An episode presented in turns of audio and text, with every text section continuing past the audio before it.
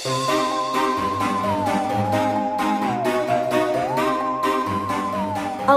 Mura Artinya, terbukalah Dari buku, bertebarlah ide dan inspirasi Suka baca buku?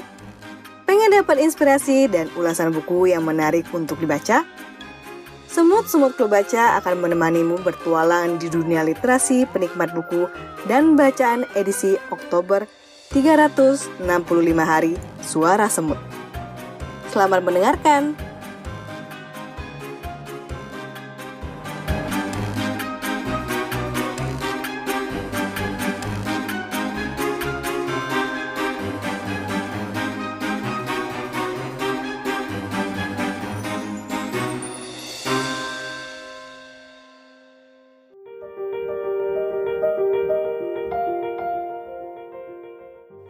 Ini Kino di 365 hari suara semut bulan Oktober. Hari ini aku mau bicara soal buku berplot ganda. Ternyata dalam daftar buku bacaanku ada beberapa buku yang plotnya demikian. Ya wajar aja sih, karena plot paralel baik yang ganda maupun lebih pastinya banyak dipakai di jenis buku yang cukup panjang. Ya kalau enggak, pembaca bosen kali ya bacanya. Nah, aku ingin mengulas buku-buku yang menurutku bagus banget penggunaan plot paralelnya ini. Oh iya, disclaimer dulu ya. Aku tuh bukan penulis ya guys, baru beraspirasi jadi penulis. Dengan demikian, bahasan hari ini adalah murni dari sudut pandang seorang pembaca buku. Pertama, coba aku pilih dulu ya beberapa buku berplot ganda yang cukup membekas di ingatan. Ada catatan perjalanan salah satu penulis favorit aku yaitu Agustinus Wibowo dalam buku Titik Nol. Lalu ada All the Lights We Cannot See dari Anthony Doerr. Eh, bacanya gimana ya? Anthony Dur? Doerr? Pokoknya dia tuh menang Pulitzer Prize di tahun 2015 untuk kategori fiksi. Selanjutnya adalah China Room, buku ketiga dari Sanjeev Sahota yang masuk dalam longlist Booker Prize tahun 2021. Kemudian The Blind Assassin, buku lama penulis kawakan Margaret Atwood yang menang Booker Prize di tahun 2000. Dan yang terakhir, Rasina, karya Iksaka Banu yang baru aja bulan Agustus kemarin jadi buku bahasan klub baca SMK. Oke, yang kedua adalah hal yang paling menarik buat aku, yaitu variasi penggunaan plot paralel di kelima buku ini. Alias, ternyata ada banyak cara ya untuk menggunakan plot paralel dalam tulisan. Ada buku yang memang punya dua tokoh utama, dan plot paralel ini dipakai untuk mengangkat cerita masing-masing tokoh utama dalam proporsi yang setara. Contohnya All the Lights We Cannot See. Sepertinya model ini cukup banyak dipakai di novel berplot ganda atau lebih. Ada lagi buku yang salah satu plotnya dipakai untuk menunjang kekuatan plot lainnya yang menjadi jalan cerita utama, seperti China Room dan Rasina. Misalnya di China Room, plot utama adalah cerita narator yang tanda kutip melarikan diri dari keluarga dan tekanan hidup di Inggris yang menyebabkan dia menjadi pecandu. Nah, dia itu kabur kunjungin tempat pamannya di India.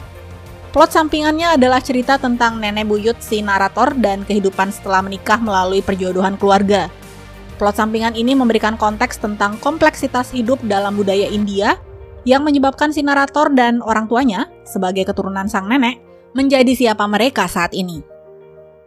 Di Rasina, plot utama adalah cerita Bapak Jus dan bosnya Stalhart yang berupaya membongkar korupsi di antara para pejabat kompeni Belanda yang dipicu oleh larinya seorang budak bernama Rasina dari rumah majikan.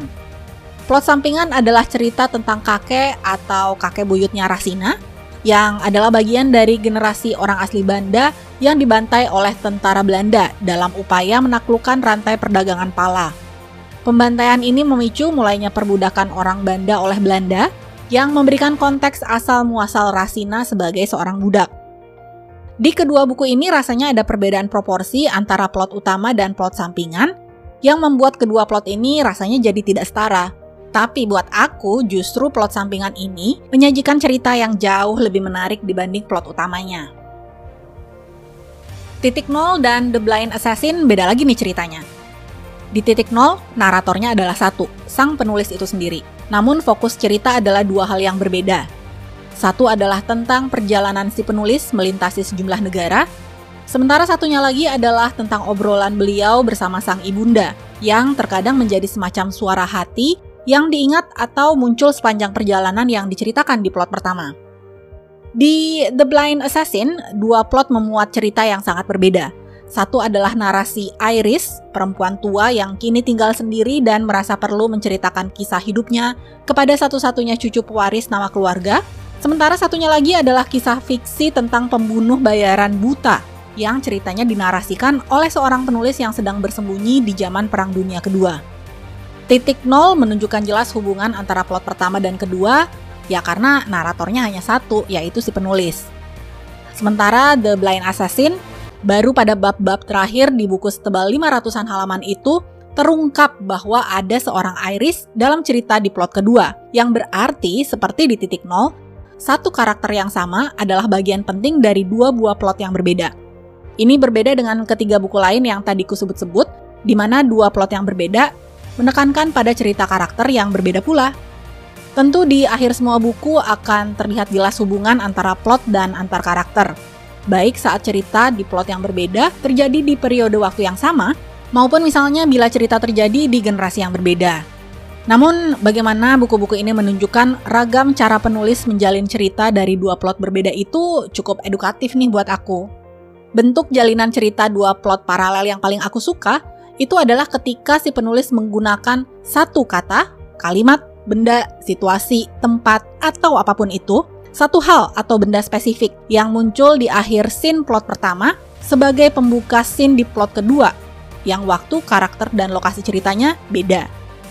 Ini kelihatan banget di Rasina, kadang-kadang muncul di All the Lights We Cannot See dan China Room, sementara kalau titik nol atau The Blind Assassin aku nggak terlalu ingat sih sebenarnya. Nah, bagian yang kayak gini nih, cakep banget sih. Di kepala aku tuh jadinya visual banget, kayak scene film. Jago banget itu Mas Iksa Kabanu nulisnya aku langsung fans berat dan pengen berguru pada doi.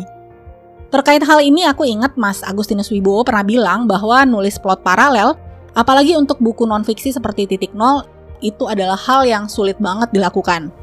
Jadi salut banget nih buat mereka yang nulis dengan cara seperti ini. Cie, so iya banget gak sih aku menganalisis buku-buku ini? Tapi ya guys, kembali pada aspirasi aku sebagai seorang penulis, Ngebayangin proses plot paralel dua biji aja aku udah menyerah sebelum bertanding. Apalagi yang plotnya banyak dan kompleks gitu ya, kayak Games of Thrones, Lord of the Ring, bahkan buku Bu RT sendiri, Rapi Jali. Nyembah deh, pantas mereka menyandang gelar dewa-dewi dalam dunia penulis. Eh, bentar. Buat Bu RT mungkin udah terprediksi sejak lahir ya, makanya dikasih nama Dewi. Apa sih aku?